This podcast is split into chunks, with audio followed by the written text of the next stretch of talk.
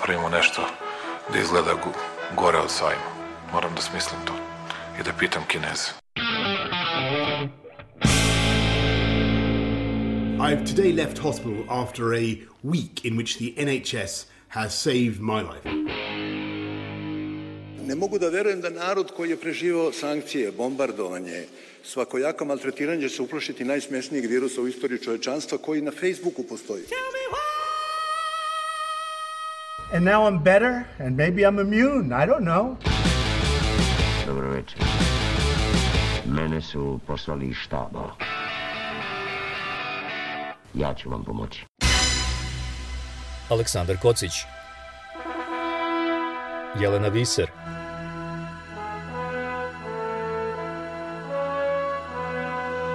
Radio Karantin Hronika istorije u nastajanju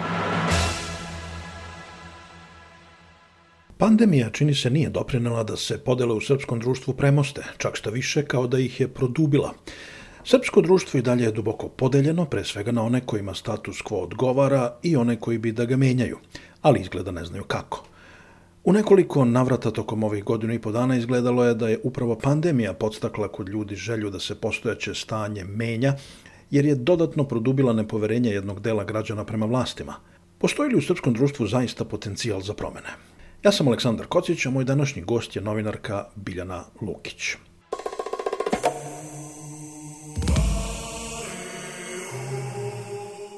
kao i svi, pretpostavljam, zanimalo vas je šta se dešava oko pandemije, šta se, kako ćemo da se izvučemo i svega, šta nas je snašlo. Mi recite kako, ako ste se oslanjali na srpske medije, kako ste doživeli uh, izveštavanje o, o koroni? Da li mislite da su srpski mediji uh, dobro reagovali, dobro pokrili pandemiju ili je moglo bolje? Nisam e, relevantna da odgovorim na to pitanje zato što ja srpske medije ne pratim već nekoliko godina, apsolutno. Ne... Zašto ne pratite medije? E, ne pratim e, domaće medije zato što osim televizije N1 i ajde nova, ali ona je šarena pa je ne uzimam u, u razmatranje, to su sve propagandna glasila Aleksandra Vučića i nemam potrebu da se uopšte napajam sa tog izvora. Ne verujem im da, da kažu da je danas ponedeljak, ja im ne verujem. Zato što znam da su spremni da prećute svaku informaciju koja šteti vlasti i da plasiraju svaku neistinitu informaciju koja doprinosi e, rejtingu vlasti. U tom smislu pandemija je, sad ću da govorim o prošloj godini, jer ove godine je ipak drugačije, nekako smo živeli normalno. Prošla godina kako su ti srpski mediji pratili direktive vlasti je krenula sa najsmešnijim virusom i napravila toliko katastrofalnu štetu koja se dan danas ne može da izbriše jer e, celo ono sprdanje na konferenciji za štampu, kikotanje, oni glupavi vicevi na temu odlaska u Milano, e, predsednikovo pijenje rakije da se odbrani od virusa, e, nije to, hajde ovi, ovi ljudi lažu non stop pa ne, ne slušajmo ozbiljno ni na ovu temu. Pojavilo se nešto o čemu niko od nas ništa ne zna i e, neki instinktivni osjećaj je da će oni koje plaćamo da upravljaju društvom da nam daju relevantne informacije. E, te relevantne informacije mi smo e, u startu dobili najiskarikariraniju varijantu moguću, da su da ljudi nisu poverovali. Sve što su se posle batrgali lekari i sad sam, sam sebe uhvatila u laži. Ja sam gledala nekoliko uh, u onom prvom talasu sve one u tri sata konferencije za štampu lekarske e, i to je bilo na RTS-u. Nije lažem, to sam gledala na nijedan. Tako je. E, hoću da kažem da kada su krenule lekarske e, preskonferencije, ja sam to izuzetno paživo gledala i kao raritet ću da kažem da je to gledala moje punoletno dete koje ne uključuje televizor e, sa srpskim jezikom nikada, ona je taj milenijalac ili kako se zove, ta generacija koja apsolutno ne gleda televiziju ako to nisu filmovi ili serije. Ali je i ona sa mnom pratila lekarske konferencije jer smo svi bili uplašeni. To je onaj prvi period kad smo se dezinfikovali od glave do pete, ostavljali jakne ispred ulaznih vrata kada nismo znali o čemu se radi pa smo bili ekstremno obazrivi. Ja sam i te konferencije prestala da gledam kada sam videla, kada sam shvatila da su one u službi politike, da se fabrikuju e, brojke, da se sve navodi na vodenicu blago nama sa Aleksandrom Vučićem, korona nam ne može ništa. E, I cela ta papazjanija kada vi u, u, govorite paralelno kako ćemo svi pomreti, kako se šalju oni SMS-ovi E, cirkularno da samo što nismo umrli, a e, sve vreme vodite e, Nestorovića i slične pajace kojima dajete enorman prostor u medijima koji pokrivaju celu državu, gde postoji te priče, vračare, bajalice, šta se radi, šta je bitno, šta nije bitno, da li treba nositi masku, da li ne treba nositi masku. Znači, sve je bilo potpuno katastrofično, kao i i šizofreno u smislu apsolutno oprečnih informacija. I takve informacije kada vi plasirate ljudima koji nemaju ili e, znanja ili intelektualnih sposobnosti ili vremena da e, se udube u neku materiju pa da krenu da istražuju, vi dobijate samo prvo veliki strah, a onda drugo ignorisanje.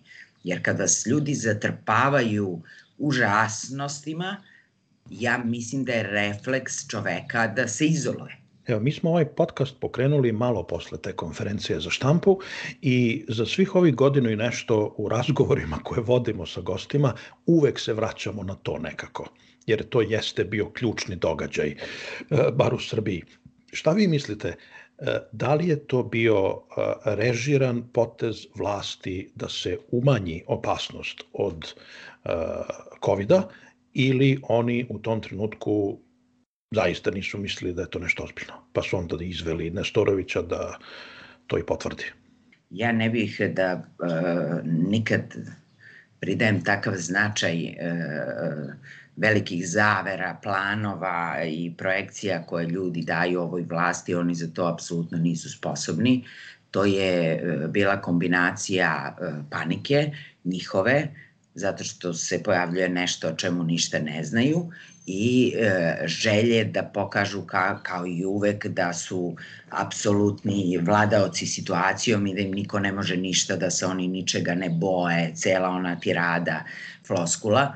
Tako da ne mislim da je bilo išta izrežirano, mislim da je već tad kod njih zavladala panika, da se na nekom sastanku reklo da će zavladati panika i u ljudima, i da je onda plan bio, ma daj, mi ćemo sada da izađemo i da kažemo sve je cool, ništa nije strašno, nemojte ljudi da se plašite. To što su uradili političari je, i Nestorović, čovek je priča za sebe, je meni jedna strana medalje. To što su tamo stajali oni ljudi od karijere, kredibiliteta, zvanja i ćutali dok je ta sprdačina trajala, jer mogli smo vi ili ja da nemamo pojma šta se sprema. Ali bilo je tamo nekoliko lekara koji su apsolutno znali šta se sprema. Oni su ćutali i pustili da taj performans protekne tako kako je protekao da bismo mi nekoliko meseci kasnije dobili ono zatvaranje potpuno suludo, mučeni penzioneri koji su bili zatečeni, zatočeni ni krivi ni dužni, to što nismo mogli pse da izvedemo da vrše nuždu, jer je taj, ta panika u nezverenih političara nesposobnih da rade svoj posao kulminirala time što od najsmešnijeg virusa smo došli do zatvara i sve jer su oni već tad, ako smo uh, kod planova, mislim da su oni već tad uh, planirali to i znali da će morati tog leta da naprave izbore i da je bilo hajde sad da sve utamničimo maksimalno da tu bolest eliminišemo do leta. Ja zaista mislim da su oni imali ideju, to je želju da eliminišu virus do leta. Jer oni nisu znali naravno da je to nemoguće, a čini mi se da lekari nisu imali dovoljno hrabrosti da im se suprotstave kad su oni objašnjavali kako će oni to da eliminišu. Radio karantin. U Srbiji imamo s jedne strane porobljene medije ili medije koji su direktno projekat režima, koje je režim napravio i s druge strane imamo neke nerežimske ili nezavisne medije koji se batrgaju, neki uspešnije, neki manje uspešno. Vi kažete da uglavnom ne konzumirate, da ne, ne pratite. Šta mislite, kakva je budućnost medija u Srbiji e, dok je SNS na vlasti? Da li će situacija biti gora? Da li ćemo gledati ono što, se, što vidimo u Belorusiji, na primer?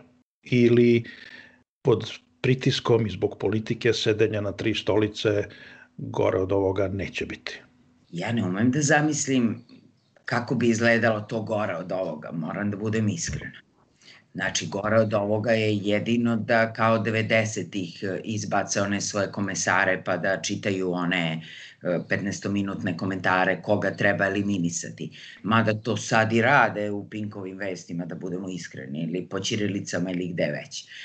Ne, cela ova priča opozicije o borbi za medije da bi oni izašli na izbore mi se prilično čini naivnom, zato što uh, Mislim da je Aleksandar Vučić spreman da da koliko god treba para, koliko god treba funkcija, koliko god treba beneficija, ali da medije dati nikad nikom neće.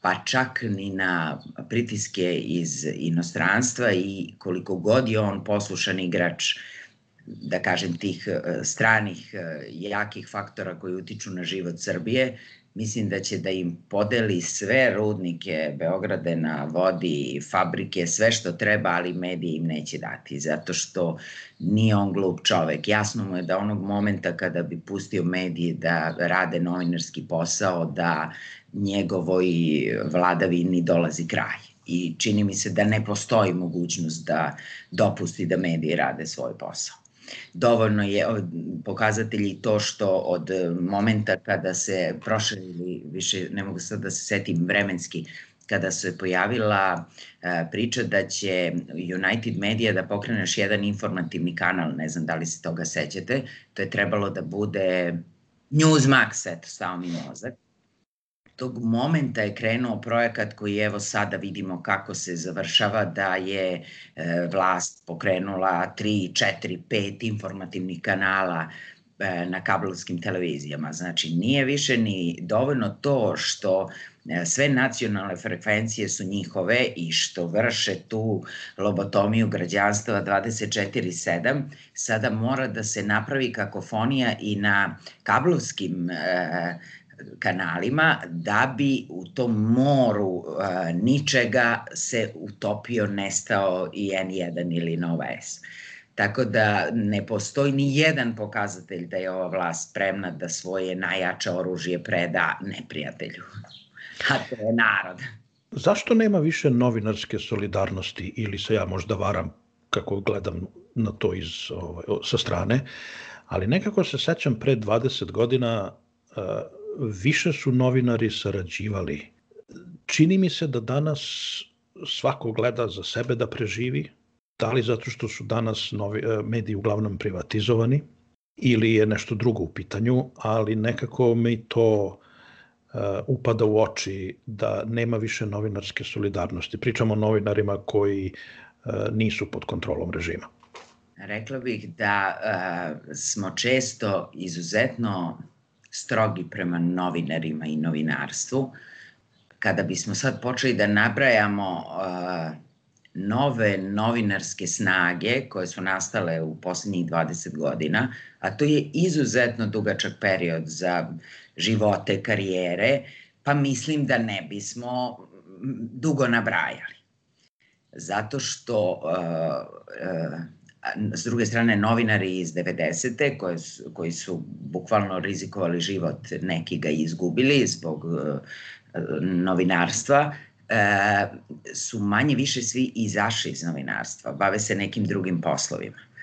A ideja da ćete vi raditi u nekom mediju, uh, prvo nemate gde baš da radite, jer uh, koncept u kome e, treba u, u 4-5 medija, što pisanih, što elektronskih, da se zaposle svi talentovani novinari u Srbiji, nije baš realan. A e, kada kreću mlade generacije da počnu da se bave ovim poslom, vi sada imate izbor. Da li ćete početi da radite u redakciji u kojoj imate jako malu platu, možda čak i neradevnu, jer je borba za opstanak i otpor e, državi koja te medije gasi, ili ćete da se zaposlite u nekom pinku gde ćete dobijati ozbiljne e, bonuse za poslušnost i lojalnost, gde će da vas e, vodaju e, po inostranstvima, da putujete, gde ćete dobijati poklone, gde ćete se provoditi, gde ćete biti važan faktor, faktor za plasiranje propagande. I sad kad ja zamislim nekog mladog čoveka, ženu od recimo 24-5 godine, godina koja je završila novinarski fakultet, da stane pre taj izbor, da li želiš da ti život bude pakao, da te proganjaju non stop, da ti obijaju stan, da te prate, da imaš hiljadu i jedan problem i da li želiš taj lagodan estradni život e, pevačice, a nisi talentovan za pevanje zato što ćeš biti miljenica vlasti, bojim se da malo mladih ljudi izabere ovo prvo. I ne mogu da kažem e, oni su grozni što su takvi. Vreme je e, takvo da su svi ideali zgaženi, da su sve one etičke, moralne, ljudske karakteristike kojima smo recimo moja generacija učeni kad smo bili deca da je to ono što život znači, onda nam je novo vreme pokazalo da e, kad si lopov ti si u stvari snalažljiv, sposoban, da kad nemaš pare ti si glup jer nisi umeo da se snađeš, da ti nije potrebno ni znanje, ni diploma, ni trud da bi uspeo. I onda u takvoj situaciji mlad čovek e, mudro zaključi da mu je isplativije da krene lakšim e, i bržim putem koji donosi ogromne benefite za kratko vreme, nego da bude bukvalno otpadnik sistema i društva za neke novce kojima preživljava. Mislim da je to suština problema. Pre 20 i nešto godina isto je vlast kontrolisala medije vrlo čvrsto i bilo je kao i danas manje više tih nekih simboličnih odnosno malih kanala koji nisu bili pod kontrolom režima, kao što je situacija manje više i danas. Vlast pokazuje na delima da će medije braniti do kraja. E, opozicija sa druge strane stalno govori da su mediji ključ E, njenog eventualnog proboja i uspeha. Da li vi mislite da su mediji zaista ključ s obzirom na to da ljudi vide ili bi trebalo da vide svoju realnost, svoj svakodnevni život? Odnosno, ajde da budem direktan, e, koliko dugo laž može da opstane? Pa meni se sad čini da je to neograničen rok trajanja, pravo da vam kažem. Jer apropo vaše priče od pre 20 godina, mislim da je postojala krucijalna razlika u tome što su pre 20 godina i tekako postojali ideali. Postojala je ozbiljna razlika između dobrog i lošeg, između toga na kojoj si strani. Bilo je sramota biti na pogrešnoj strani. Danas više to ne postoji. Ne postoji kod mladih ljudi, njima je sve sve jedno apsolutno ih ne zanima dobro i loše, nego ih zanima kako mogu da žive normalno. Možda su se generacije umorile borbe, zato nama toliko veliki broj mladih ljudi odlazi u inostranstvo. Razmišlja zašto bih ja ostajao u ovom živom blatu gde ću do kraja života da se batrgam, da mi ne potone glava, ako negde mogu da živim kao normalan čovek, da radim, zarađujem i mislim o porodicama, o zdravoj hrani, o zimovanju, o letovanju i slično. E, ja se, ću da se složim sa stavom opozicije da su mediji ključ, zato što često tih dugih devet godina u našim odraslim životima pocenjujemo kao da je to bilo juče. Za devet godina stasavaju generacije, devet generacija, znači sad je punoletan e, e, mladi čovek, neka osoba koja je bila osnovac kada, niži osnovac kada je SNS preuzeo Srbiju. U tom smislu, ta, tako dugoročno ispiranje mozga medijsko. Ostavlja posledice koje, ja sam slušala opoziciju koja kaže šest meseci slobodnih medija, ma nije ni šest meseci, dovoljno, zato što e, e, informacija, ko, istinita informacija koja bi se sada plasirala na medijima je verovatno za veliki broj ljudi onaj šok kao 48. kad su rekli mi više nismo sa Staljinom, mi, vi, mi više Rusiju ne volimo. Kad ti ne možeš da izbaciš taj naučeni refleks iz sebe da je to nešto najbolje. E, ovi ljudi se e, devet godina kao psi treniraju onaj Pavlovljev refleks im se stvara da ako ne vide 15 e, sati na televiziji Vučića, počne da im se javlja strah da mu se nešto nije desilo, zašto ga nema. I e, 15 godina slušamo o žutim lopovima, o 619 miliona, o izdajnicima, o prljavim ružnim zlim i o tome da smo mi e, na ivici ambisa, ali nismo upali u ambis, već smo sa genijalnim BDP-ovima, GPS-ovima, GPR-ovima i ostalim skraćenicama isključivo zato što, Bogu hvala, imamo Vučića. A jel vam ne liči to pomalo na onaj vic? Zar ti uh, više veruješ svojim očima nego meni? Pa ja verujem da uh, ljudi mnogo više veruju uh, Vučiću nego svojim očima.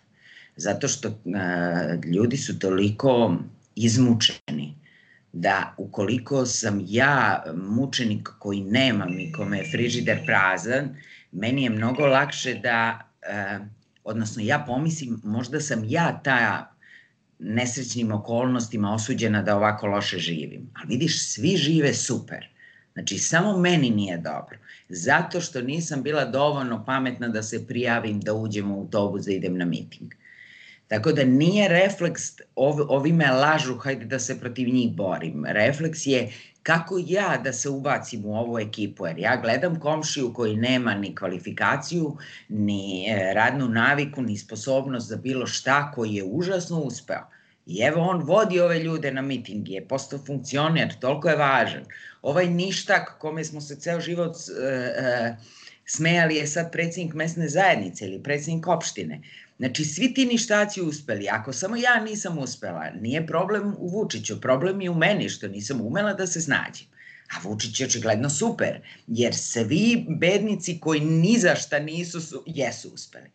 Tako da uh, i te kako ljudi više veruju uh, televizoru nego svom mozgu. To je vrlo deprimirajuće. Meni se inače čini da je najuspešniji projekat uh, ove vlasti ubijanje nacije u pojam i relativizacija svega. Apsolutno se slažem. Zato što e, mislim da ti brojni čitaoci informera uopšte ne razmišljaju o tome da li su istinite te izmišljotine koje čitaju. Njih to više ne interesuje. E, nama je prostor toliko zagađen da e, smo naštelovili mozgove da tražimo informacije koje nas uzbuđuju, koje nam, su nam zanimljive, uopšte ne razmišljamo o tome da li su one tačne, jer to nije bitno. Nego, wow, jesi pročitala ovo? Ne u, ulazimo uopšte u to da li bi to moglo ili ne bi mogla da bude istina. Jer baš je super da za glumicu koja misli da je nešto, kažemo sve najgore, da opljujemo političara, sportistu, glumca, bilo koga. I onda naši mali e, bezbojni životi bez cilja i traga postaju malo značajniji kada neki veliki životi i karijere e, se obrišu gumicom u jednom danu. Do nas je. Oh, yeah. Radio karantin. Kad malo uzmete da čitate kako izgleda Putinova Rusija, onda vidite da je to sve što se dešava u Srbiji na neki način deluje kao samo uspešno primenjen ruski recept. Ne, ničeg nema originalnog, bar meni tako izgleda. I, i ovde kad se sretnem sa nekim ruskim kolegama i tako dalje, pa mi kažu, cela strategija tamo je, ne morate nas da volite, bitno je da mrzite ove druge. Da ne verujete, ne morate nama da verujete, bitno je da ne verujete nikome.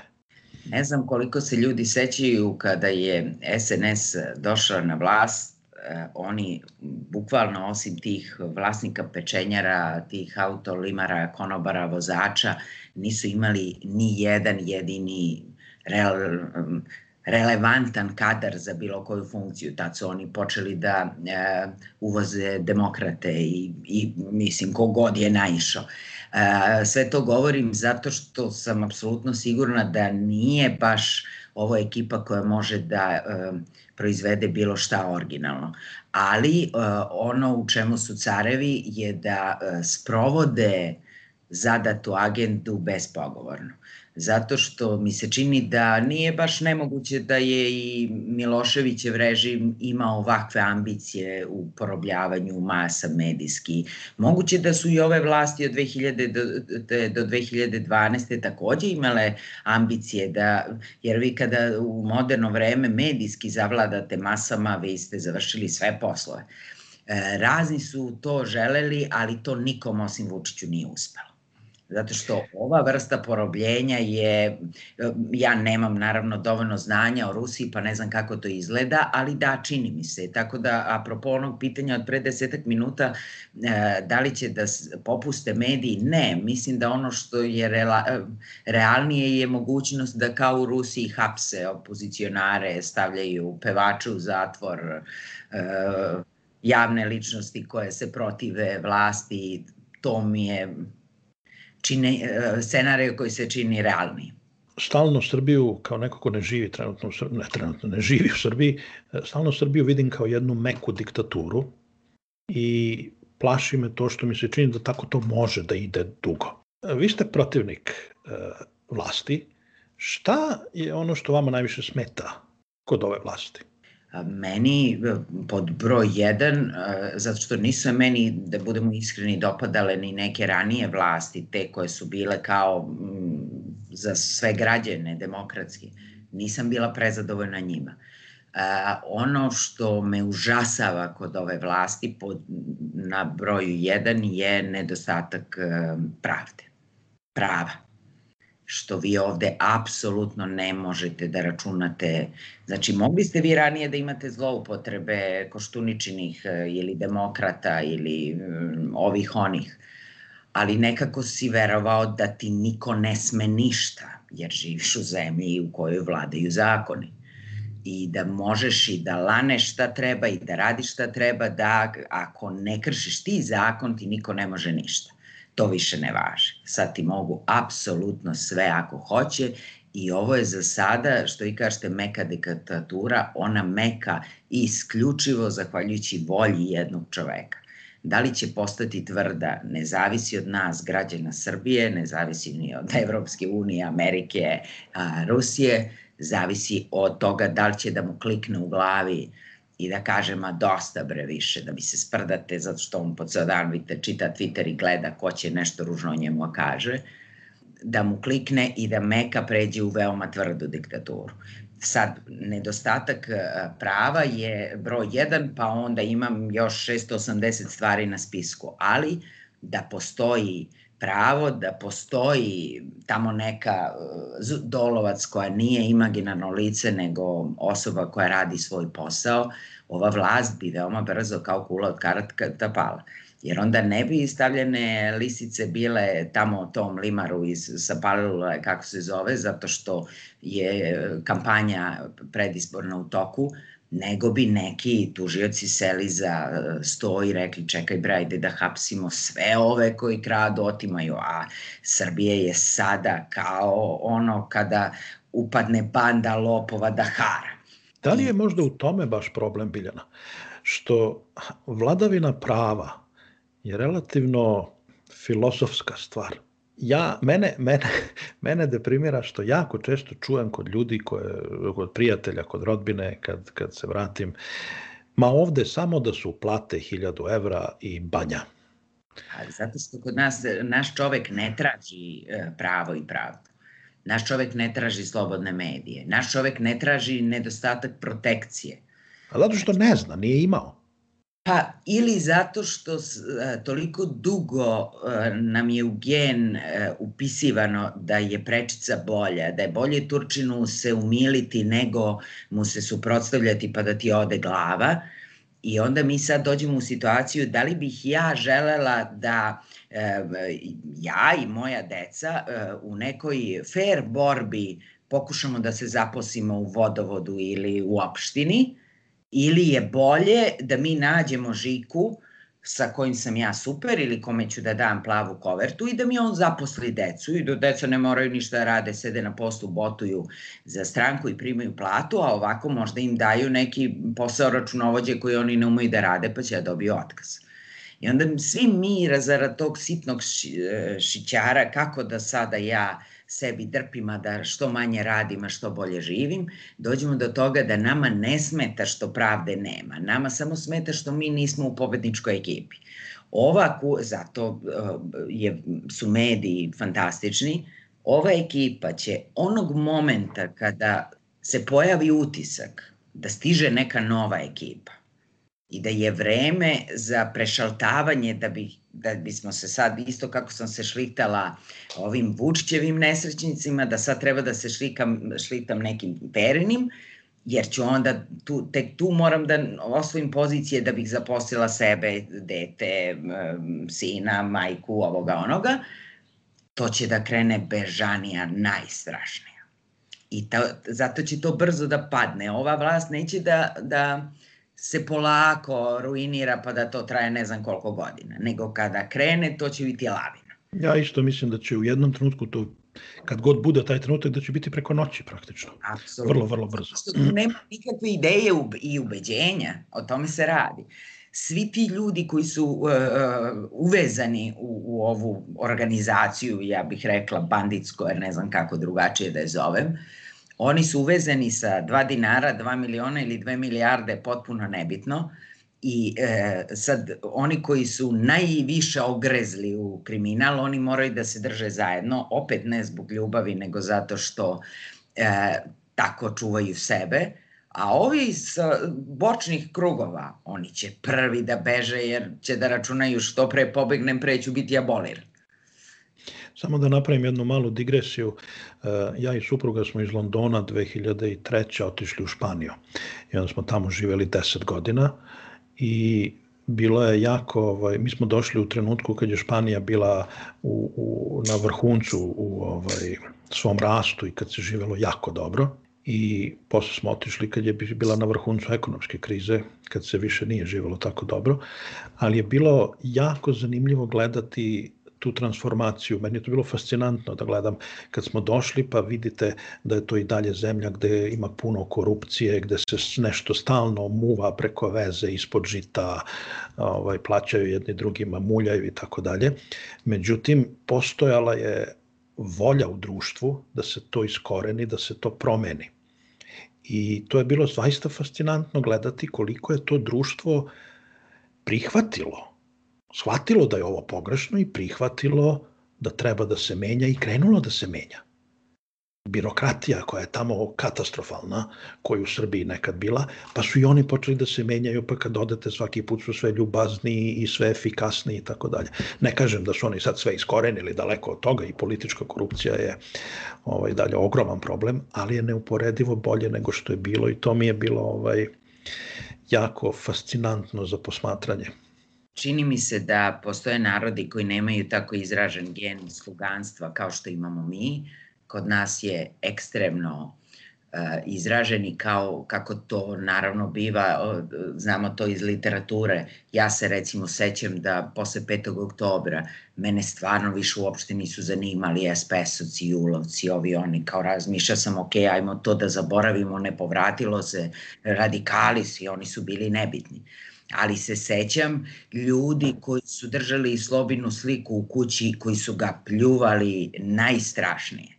Ja se sećam tog čuvenog D.J. Vučićevića, sadašnjeg e, e, Dobermana Vučićevog, sa onim kolumnama o, o radikalima, socijalistima, julovcima, pa to je bio takav govor mržnje prema pobeđenima. Meni nekako bilo neukusno, šta sad gaziš nogama ove koji su već na podu, potpuno su pobeđeni. Jednaka strast sa kojom je tada pokušavao da se umili novim vlastima i tada uspeo, ako se sećate, sa tom strašću sada gadi e, slabije da bi se umili ovima. I to se sve isplati u ciframa kakve mi ne možemo da zamislimo. Ono što je, čini mi se, nerešiv problem Srbije, jer ovo što ste rekli da ja sam pesimista, verovatno jesam, ali e, više deklarativno neko dete u meni se nada, inače bih i ja spakovala kofere pa trbuhom za kruhom, ali ono što mi se sada čini kao najteže rešiv problem je što kako dani prolaze, ova današnja ekipa će kupiti apsolutno celu Srbiju. I onda će biti potpuno nebitno da li ste na vlasti vi, ja, Žika, Mika, kada je apsolutno sav novac, svo materijalno blago, industrijsko blago Srbije u njihovim rukama. Zato što e, ne sumnjam da su krale vlasti pre 2012.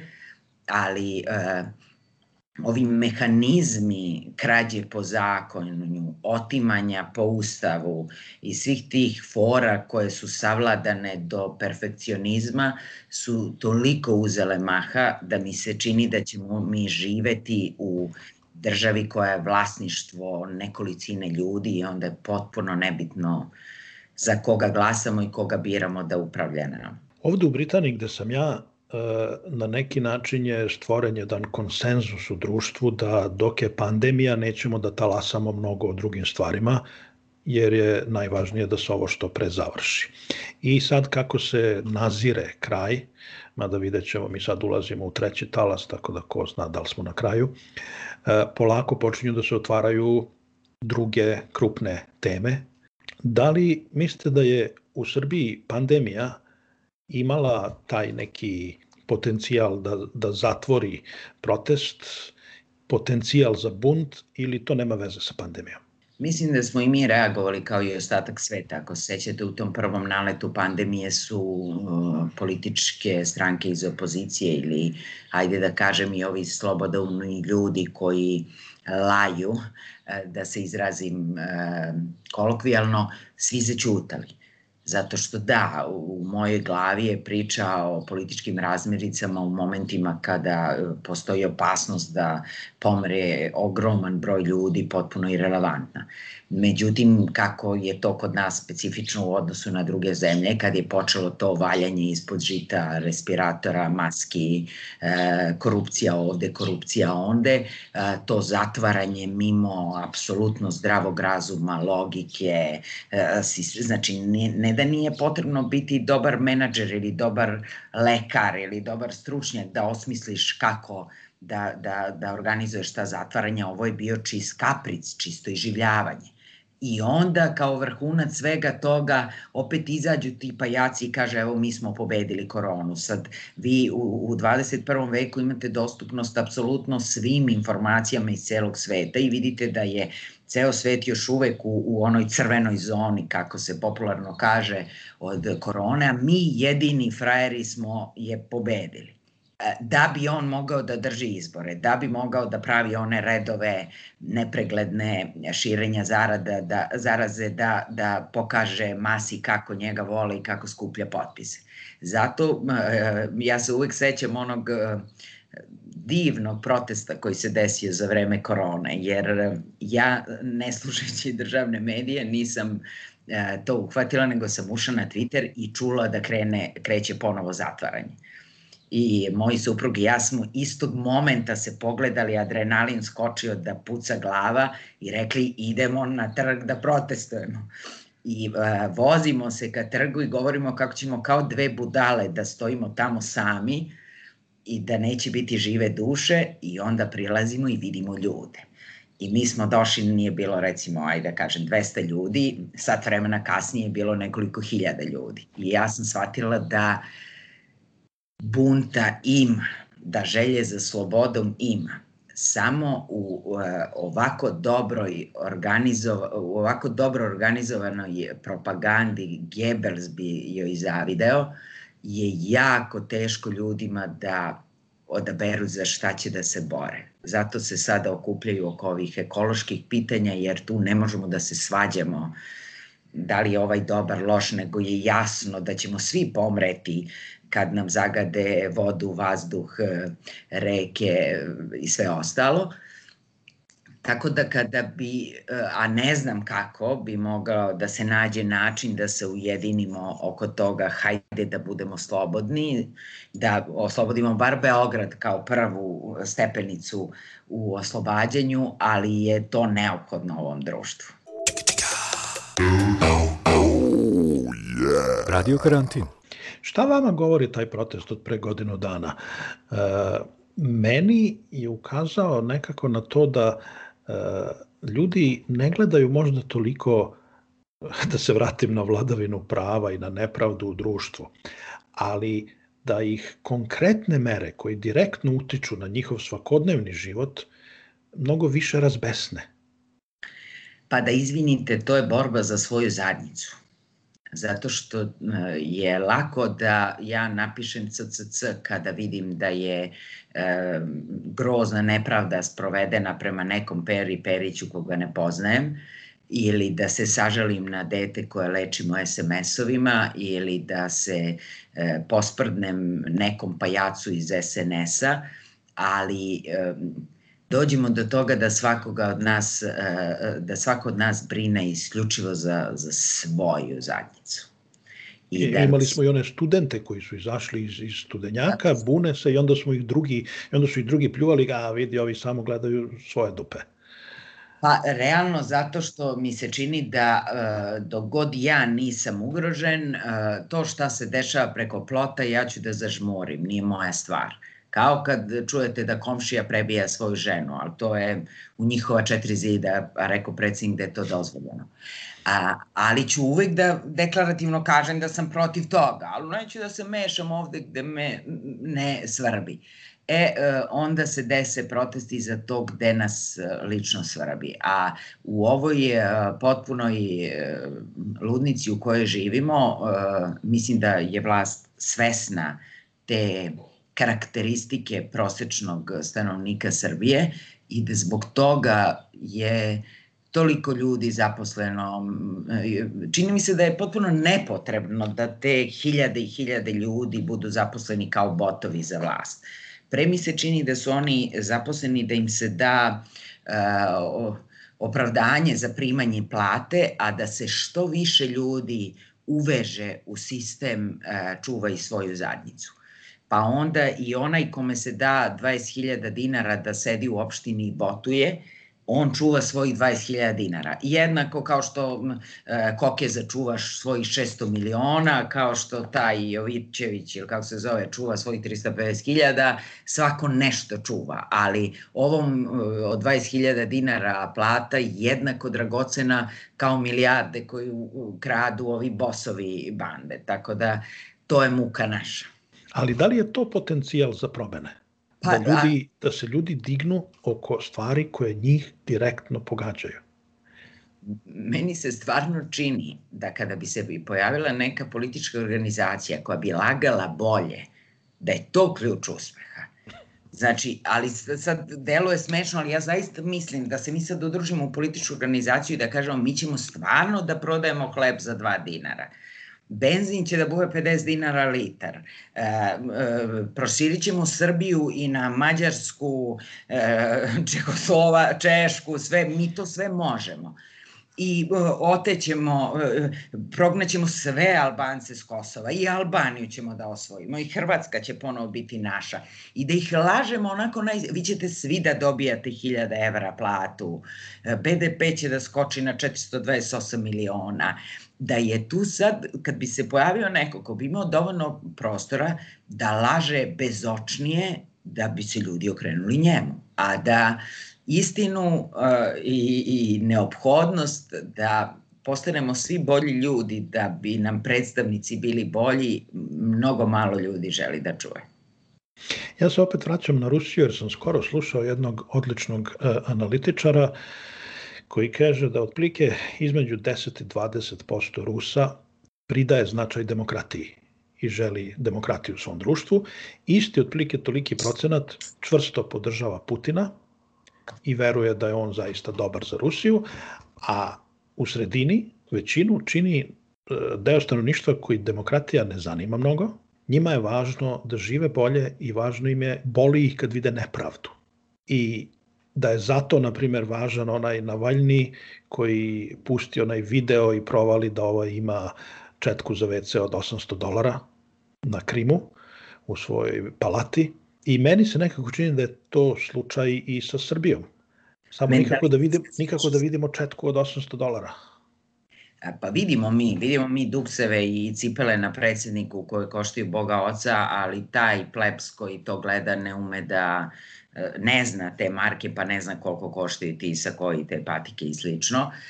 A s druge strane nas predsjednik bombarduje slikama onih pasulja i ne pojma, supa, one, da kažem, hrane za svakoga, pa ja, vidiš kako je on prizeman i fin i juri lopove. E, mentalitetski da, mi nismo za demokratiju i Rusija i mi smo proveli decenije pod e, autoritativnim režimom i naučili smo na to.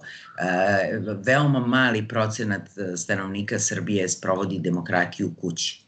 Znači, e, mi sada imamo bukvalno bunt među ljudima, zamisli da nam neko zabrani da lemamo svoju decu, pa što smo ih rodili, čija su ako nisu naša, ko će da ih, ko ima pravo da lema nego ja koja sam ga stvorila ima da ga ubijem ako me nervira.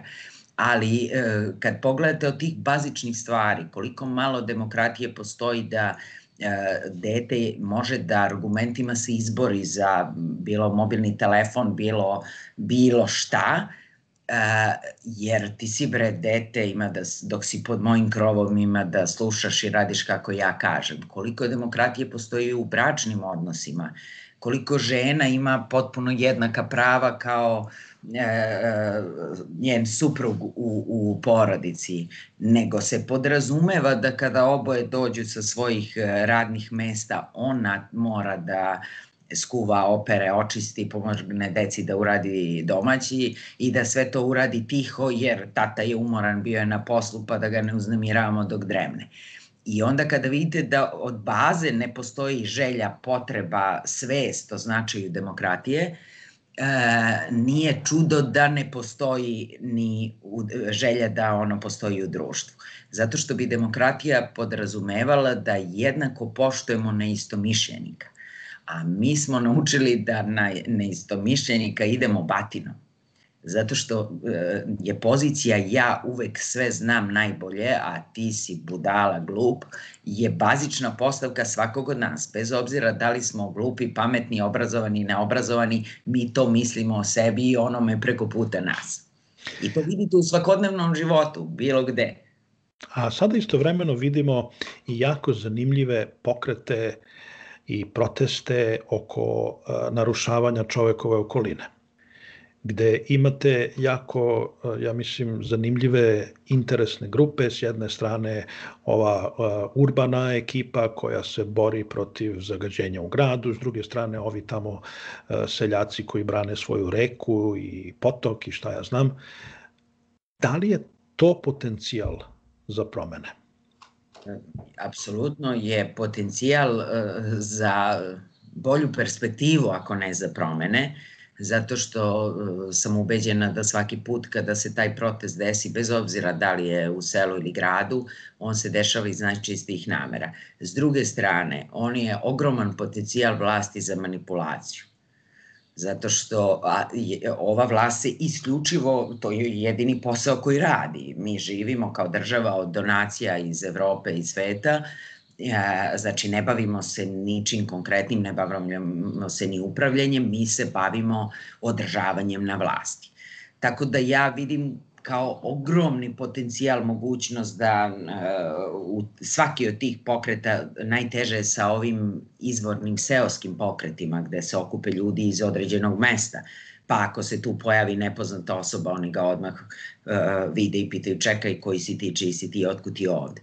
Ali na, ako pričamo o masovnim protestima, organizacijama, ja kao ogroman potencijal vidim da je tu već ubačeno, ako ne sutra će E, jako puno njihovih ljudi koji će da seju razdor. Dovoljan da e, se uvek takav neki protest organizuje da bi se izduvao prenaduvani balon, da, odnosno da bi se ispumpao dovoljno prenaduvani balon, ali nikad da ta organizacija naraste dovoljno da može da načini promenu. Da li ste onda na kraju pesimista? Ja nisam pesimista, ja recimo zaista verujem da je Beograd rešpečen da e, kombinacija malog u prošlom mandatu i Vesića u ovom i njihove, njihovi destruktivni kvaliteti su toliko veliki da je ljudima preko glave. I da za razliku od velikog dela Srbije Beograd ima prostora za uh, nesmetano informisanje. I da je tu ispranost mozga najmanja. Čini mi se da ukoliko se ova nesrećna, neorganizovana, razjedinjena, ne znam više kako da je nazovem opozicija, nekako privede pameti i e, shvate da ovo nije borba za njihove pozicije, nego borba za budućnost svih njih, nas pa i njih i njihovih profesija političara. Ja zaista ne mislim da je bilo šta sramotno u profesiji političar. Uh, ali je sve iskarikirano do te mere da je sad kad kažeš da si političar opozicione stranke, to je kao da si otprilike narkodiler ili nemam pojma, makro. Toliko je isprofanisano to zanimanje. Ali ukoliko se oni organizuju da nam e, pruže bilo kakvu opciju koje se ne stidimo ili koja nas nije blam, da će Beograd da padne. A, e, onda Beograd kao najveća ona domina u naslaganim uspravno dominama mnogo lako kreće da se ruši. Zato što ovde nije realno pitanje da e, Srbija veruje ili voli e, Vučića što je njegova životna želja, e, njima samo odgovara priča ova svako o svojoj zadnjici. I da onog momenta kada pomisli, ups, ovo možda i neće na duge staze biti isplativo, da će oni da se okrenu. To vam je razlog zašto ogroman broj ljudi koji na ovaj ili onaj ra način rade za SNS, to kriju kao guja noge. Što kaže jedan moj stariji komšija, kriju da su u SNS-u kao što bih ja krio da mi je sin peder, izvinjam se na nepristojnoj reči, ali e, znaju oni da je to sramota, znaju oni da je to kriminalna organizacija, zato se toga stide. Jer e, u ranijim vlastima si ti e, ponosno izjavljivao da si, nemam pojma, Koštuničin, e, demokrata, ne, ne, više se ne sjećam koje su stranke postojale.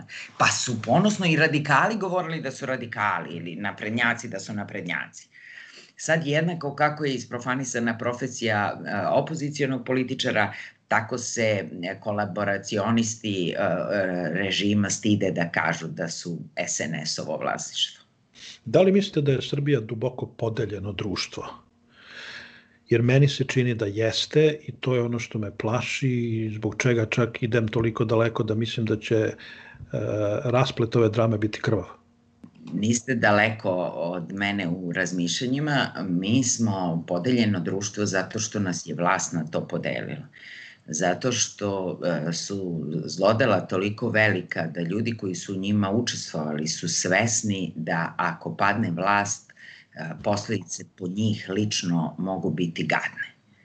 I uh, oni su tako krvoločni iz čistog straha Na drugoj strani su ljudi krvoločni iz e, predugo skupljenog besa.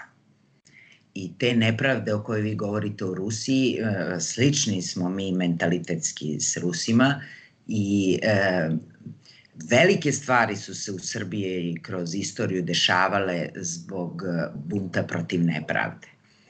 Tako da ta nepravda kada ona službenica u opštini gleda godinama kako tovare u kancelarije te apsolutno e, kadrove bez ikakve kvalifikacije i znanja, kako oni napreduju, kupuju diplome, zarađuju dok ona radi za 30.000 dinara, je, pa joj ne do Bog još se razboli dete, a ona nema vezu da ga odvede u bolnicu, a ovako mora čeka dve godine na pregled ili majka da zakaže operaciju kuka i katarakte za 2030.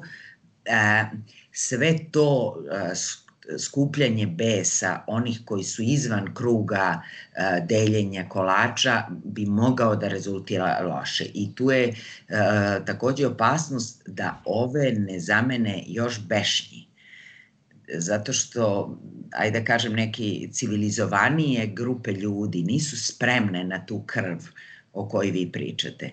Na tu krv će biti spremni uh, oni slični naprednjacima karakterno, mentalitetski, a besni zbog nepravde koji nisu u tom krugu. I onda bi moglo da nam se desi još grđe od ovoga da e, ovi, što vi kažete, blaga autokratija, diktatura, kako ste rekli, da meka. je ne, da je meka, tako je, da je za mene baš tvrdi divlji. Ovi su meki divlji, a da stignu tvrdi divlji i to ne bi valjalo. Nadam se da do toga neće doći. To u mnogome zavisi od sveta.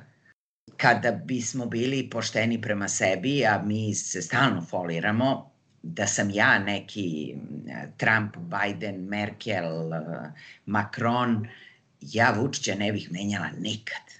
Jer šta mene briga što je ljudima u Srbiji ovako loše? Ako ja mogu da dobijem sve beneficije za svoje firme, mogu da dobijem sve političke agende koje planiram za Srbiju, ako mogu da ostvarujem apsolutno sve što želim u toj Srbiji koje se stalno nešto do sad durila, pa neće ovo, pa ne možeš njima ovo, pa ne možeš da dogovoriš da im umiliš i onda dođe jedan koji kaže šta god hoćete, evo dajem, ja njega ne bih menjala nikad jer sigurno i oni mora da imaju strah znajući kakvi smo ljudi da nekog Vučića ne smeni neki Putin koji će biti jednaki autokrata ali neće da sluša svet nego će da radi neki sloba i oni su već imali to. I sad oni imaju e, da kažem karakternog odnosno e, slobu po načini, načinu vladavine ali čoveka koji daje sve. Ja da sam na njihovom mestu teško bi ga menjala I to je muka naša. Što to je Evropi koja veoma vodi računa o, o demokratijama, pravim, pravima, slobodama u svojim zemljama, je apsolutno spremna zbog nekog rudnika litijuma, gvožđa, ovoga, onoga, da u Srbiji žrtvuje apsolutno sva prava i slobode. I to je realnost, da se ne zanosimo. Biljana Lukić. U petak 25. juna gost radio karantina na istu temu biće urednik izdavačke kuće Fabrika knjiga i politički komentator Dejan Ilić.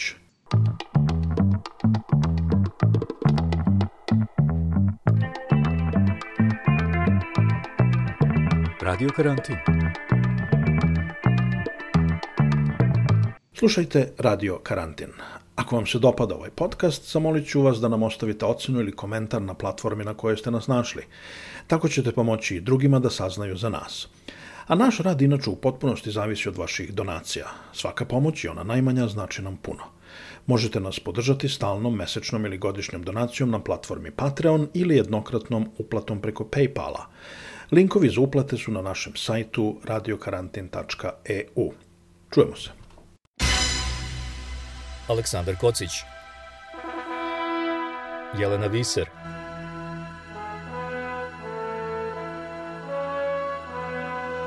Radio Karantin. Hronika istorije u nastajanju